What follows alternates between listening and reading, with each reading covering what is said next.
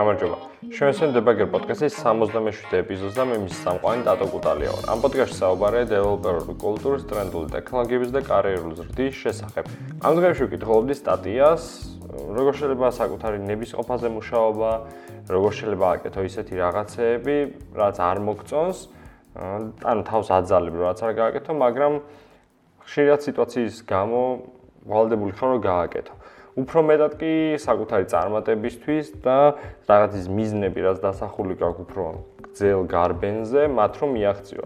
არის ბევრნაირი ტექნიკა და ბევრნაირად შეგვიძლია ამ საკუთარ თავზე манипуляცია და ნუ ერთ-ერთ ვერსიებს განვიხილავდი და ვკითხულობდი.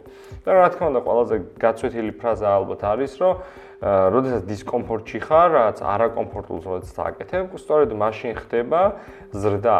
როგორც ვარჯიშის დროს, როდესაც უკვე კუნთი იწყებს ტკივილს, მაშინ ხვდები, რომ რაღაც შედეგზე გადიხარ და მაშინ ხდება რეალური შედეგის მიღება, ზრდა. აი ეს ანალოგია ყველაზე მეტად რაც გაცვეთილია, იგივე არის ჩვენს, რავი, მონარჩეების გაზრდაზე, კარიერულ სვლაზე, რაღაც ცხოვრებაში დიდი ნაბიჯების გადადგმაზე, თუ რაღაცა გვინდა, აუცილებლად პირველად დისკომფორტს ვიგრძნობთ, იმიტომ რომ ჩვენთვის რაღაც შეიძლება სიახლეს ვაკეთებდეთ. მოგლეთ, საბოლოო ჯამში ნებისმიერი რაღაცა ღირებული რაც არის ჩვენთვის და რა თქმა უნდა არ ვიცით პირველად როგორ გავაკეთოთ, ჩვენთვის იქნება ცოტათი რთული, მოითხოვს ჩვენგან უფრო მეტ ნების ყოფას და პირველ რიგში გონება წითელ შუქს ანთებს, გეუბნება რომ ეს არ გინდა რომ გააკეთო. იმიტომ რომ მისთვის რაღაც უცხოა და არის შიშის მომენტი, რომ შეიძლება ვერ გადალახო ან დაკარგო უკვე ის რაც გაგაჩნია. და ეს გონე ეხა როგორ მუშაობს ეს გონება. თუ მაგალითად აი წონაში დაკლება გინდა უნდა წახვიდრავი ივარჯიშო ცოტა ჭამას მოაკლო რაღაც პროცედურა უნდა გაიარო რა. და ეს არაკომფორტულია ყველა მიცის. მაგრამ საბოლოო შედეგი ძალიან კაია მიღწევადია და ნუ შენ რეალურად რო გინდა გააკეთო ხო და ეს ყველაფერი როდესაც დისკომფორტი დგება ნიშნავს მთელი ორგანიზმისთვის ეს არის დისკომფორტი და მათ შორის გონებისთვის და გონება ესე არის რომ წითელს ანთებს არა მე ეს არ მინდა და ყოველნაირად ცდილობს რომ დაგაჯეროს რომ ეს არ გააკეთო იმიტომ რომ ბევრი მიზეზია ეს რა იქნებ გამხდარი აღმოჩნდა და არ მოგიხდეს იქნებ რამე დააზიანოს ორგანიზმში გეზარება მოდი ორშაბათიდან დავიწყო და ეს რაც პატარა სატყუარებს გაძლევს რომ არ არ გააკეთო რა. რაღაცა ეს სტრატეგიები რა შეიძლება იყოს ამასთან გამკლავების შეიძლება ეგენი გაგიზიაროთ. როგორც ხარით, უმეტეს შემთხვევაში შენ თვითონ შენივე ტვინი გეუბნება, რომ აი დისკომფორტი როგორც კი მოხვდება, არ უნდა გააგრძელ. მაგრამ მთელი მუღამი არის ის დისციპლინა და ნებისყოფის გავარჯიშება, რომ როდესაც მისაწოლი არის ბოლომდე, რომ მიაწვე, ასე როგორც იტყვენ, ჩააჭირო ბოლომდე და ეს ზღვარი შენ თვითონ უნდა გაწვრთნა საკუთარი თავიდან, ნახო სათხარ რა დონეზე ხარ და სანამდე შეგიძლია შენი თავი გაწურო. წინა ეპიზოდაშიც ქონდა ამაზე საუბარი, რომ შენ თავთან იპოვო, ასე ვთქვათ, ძალა და აღმოჩინო შენი თავი. რა შესაძლებლობები გაქვს, ანუ სანამდე შეგიძლია ის დისკომფორტში მიიყვანო. ხო და მოდი ახლა პირველ პირველ ერთ სტრატეგიად განვიხილოთ, როგორ არ უნდა იყოს ის ფიქრები, რასაც პირველი ფიქრები გონება გაძლევს, შენი ქმედებების გამსაზღვრელი. მაგალითისთვის, თუ გინდა რომ იგივე წონაში დაიკლო ძალიან ბევრი უარყოფითი წამოა პირველ ჯერზე შენი გონებისგან რაც იმპულსები თუმცა შენ უნდა გქონდეს შენი დისციპლინა გაწვრთნილი უნდა გქონდეს რაღაცა ძალა რომ თქვა უარი ამაზე ასე ვთქვათ წარმოვიდგინოთ გონება როგორც რაღაც შემოთავაზებების მომცემი და შენ შეგვიძლია რომ მაგაზე თქვა არა და პირიქით. გაიმარჯო.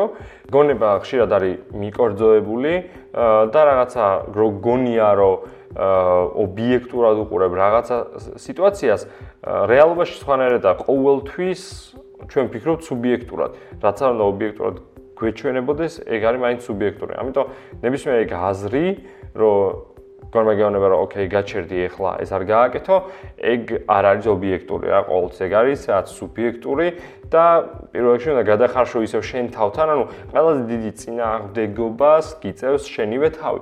აი ზოგჯერ ფიქრობ რომ ამ პოდკასტსაც შევეშვა სიმართლე რო ვთქვა, რადგან ლაპარაკობ ისეთ რაღაცეებზე, რაც ისაც ჭეშმარიტება ახალმე ხშირად, თუნდაც ამ თემის ჩათვლით, ანუ შეიძლება ვიღაცებისთვის საკმაოდ გაცვეთილი იყოს, თუმცა მე რო ხვდები რომ ხელახლა ახსნილი და აი მაგალითებით გადაღეჭილი და ძალიან მოკლე ფორმატში როყვები 10-15 წუთში მაქსიმუმ ყველაფერს შეიძლება ვიღაცისთვის სასარგებლო აღმოჩნდეს. ხო და ანუ ჩემი გონება კიდე მიექანება ცალკე და მეუბნება რომ მარტივად უნდა რომ გამოძოს და აი მეუბნება რომ ყოველ კვირას ეს ახალი ეპიზოდი რო არ გქონდეს იქნებ დაისვენო ცოტა ხანი, საერთოდ შეწყვიტო, იმიტომ რომ რთულია რა ყოველ კვირას ამ ეპიზოდების გამზადება, დროს მოითხოვს, ზოგჯერ საერთოდ არ გცალიან, დაღლილი ხარ და მაინც უნდა გააკეთო და მაინც ეს თემა უნდა დაამუშავო და ამ ამ დროს გონება ცდილობს რომ ოკეი, ეხლა არ გააკეთო, არ გააკეთო.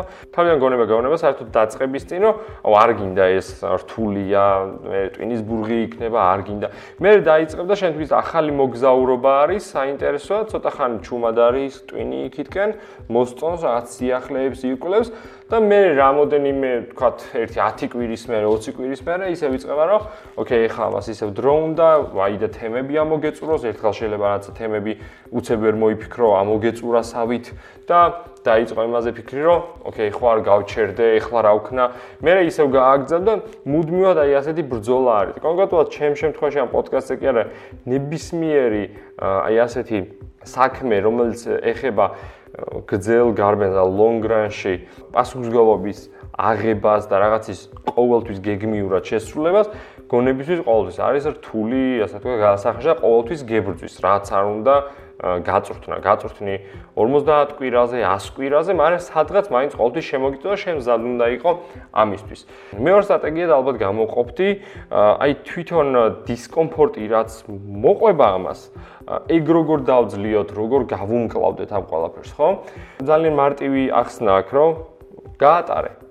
არ მიაქციო ყურადღება. თითქოს რომ მარტივი საქმეა, მაგრამ რეალურად ამის უკან დევს ძალიან დიდი ბრძოლა და ძალიან დიდი წნეხი ისევ საკუთარ თავთან, ხო? აი, როდის უნდა როდის უნდა გაჩერდე რეალურად და როდის არ უნდა გაჩერდე? აი, გა საკითხი. ამაში დაგვეხმარება ისევ როგორც წინა ეპიზოდებში თქვი, რომ ვიცოდეთ ჩვენი თავის ლიმიტები და როცა სანდა შეგვიძლია რეალურად მივიღოთ პროდუქტიულობა, ჩვენი, ანუ გამოვწუროთ ჩვენგან პროდუქტიულობა და იმის მერე გავჩერდეთ, რომ როდესაც ვიტყვით, რომ უკვე მორჩა. ამის იქით ჩვენ აღარ შეგვიძლია ფიზიკურად. ამას უნდა ძალიან ბევრი ვარჯიში, ოღონ არ ხუმრობ მართლა ეს დისციპლინაა, ვარჯიში არის და იგივინაერად როგორც ხელახლა ვამბობ, ვარჯიშის დროს შენ შენ კუნცა ვარჯიშებ, ამავდროულად მენტალურადაც გიჭირს, რომ გონება ყოველთვის გონება რომ მოდი ახლა გაჩერდი. აი დარბი ხარ მაგათაც გრძელ დისტანციაზე ან გრძელ დისტანციაზე ველოსიპედით ხარ სავარჯიშო წასული ზე გაჭერს კუნთები ტკივა ცოტა წყურია ცოტა ქშია მარტო ხარ მე უკან სახში იგივე მანძილი უნდა გაიარო დაბრუნდა. მაგრამ ყველანაირად დისკომფორტში ხარ და გონება გეონება რომ გაჩერდი აი გაჩერდი ყველაფერი გააჩერე. შეიძლება გითხრას კიდევაც მოდი სახში ტაქსით დაბრუნდი ან რაღაცა. ყველაფერზე წადი ყველაფერზე იყავი წამსული ოღონ მალე დაბრუნდი კომფორტის ზონაში.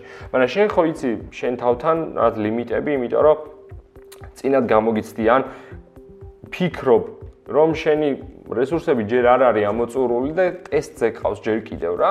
და ეს არის ზუსტად თელი მუღამი რომ რაც უფრო მეტად შეეჩეხები აი ასე დისკომფორტს ხშირად და დისკომფორტის რეალურ სახეს ამოიცნობ ასე ვთქვათ თვალებში ჩახედავ დისკომფორტს უფრო და უფრო შინაურული ხდება შენთვის და ცდილობ რომ უფრო და უფრო გაუთავამდე უფრო შორს წახვიდე ეს რაღაცა ახალი ლიმიტები გაწიო და სხვადასხვა ნამდვილად მინდა გითხრათ რომ თუნდაც სირბილი ან სირბილი და ესეთი სპორტული აქტივობები როგორც ფიზიკურად ასევე მენტალურად ძალიან კაი სავარჯიშოა. ძალიან ბევრი ესეთი ტკივილების და წინააღმდეგობის დაძლევა მოგიწევთ რაც არც გიფიქრიათ და შეიძლება თქვათ რომ აა ვერც წარმოვიდგინე რომ შეიძლება ესეთი რაღაც მოყვება სირბილს. ანუ რეალურად თუნდაც ნახევარ მარათონის დასრულების შემდეგ, აი 21 კილომეტრი რო გაირბინოთ, ну თქვენთვის სასურველ დროში, ანუ თქვათ საათი და 40 წუთი, საათი და 50 წუთი რო ავიღოთ, ამ ამ დროში ნახევარ მარათონის გარბენა არაა ცუდი შედეგი, ხო? აი ამის გარბენის მერე შეიძლება თქვა რომ ვაუ, ეს რაღაც სხვა მოგზაურობა იყო, იმაზე რთული იყო, ვიდრე წარმოგიდგენთ პირველად როდესაც ირბენთ, ხო? რეალობაში აიგრეა, უფრო და უფრო უნდა მიაჩვიოთ თქვენი თავი დისკომფორტს. და მესამე სტრატეგია იქნებოდა, რომ ეს ნებისყოფა დისციპლინა, ყველაფერს ვარჯიში და სწავლა უნდა, ისე არ მოდის, ან წინა პუნქტს რო გადავაბათ. ნებისყოფა არის ჩვეულებრივი კუნთი. რაც უფრო მეც ვავარჯიშებთ, უფრო და უფრო ძლიერდება ჩვენი ნების ყოფა. მოკლედ, ძალიან ბევრი გადატანითი მნიშვნელობით და რაღაცა მოვიყვანე დღეს მაგალითები, მაგრამ საბოლოო ჯამში აზრი ისაა, რომ ნებისმიერ წარმატებას საფუძვლად უდევს ძალიან ბევრი ტკივილი, ოფლიზღრა, წვთნა, დისკომფორტი, წინააღმდეგობის გადალახვა და ეგ არის ცხოვრების ნორმალური სტილი და ეგ არის ის, რაც საბოლოო ჯამში აშენანის საფუძველი არის ნებისმიერი კარგი და წარმატებული ნაბიჯისა, რაც წარმატებულ ადამიანებს გააჩნიათ.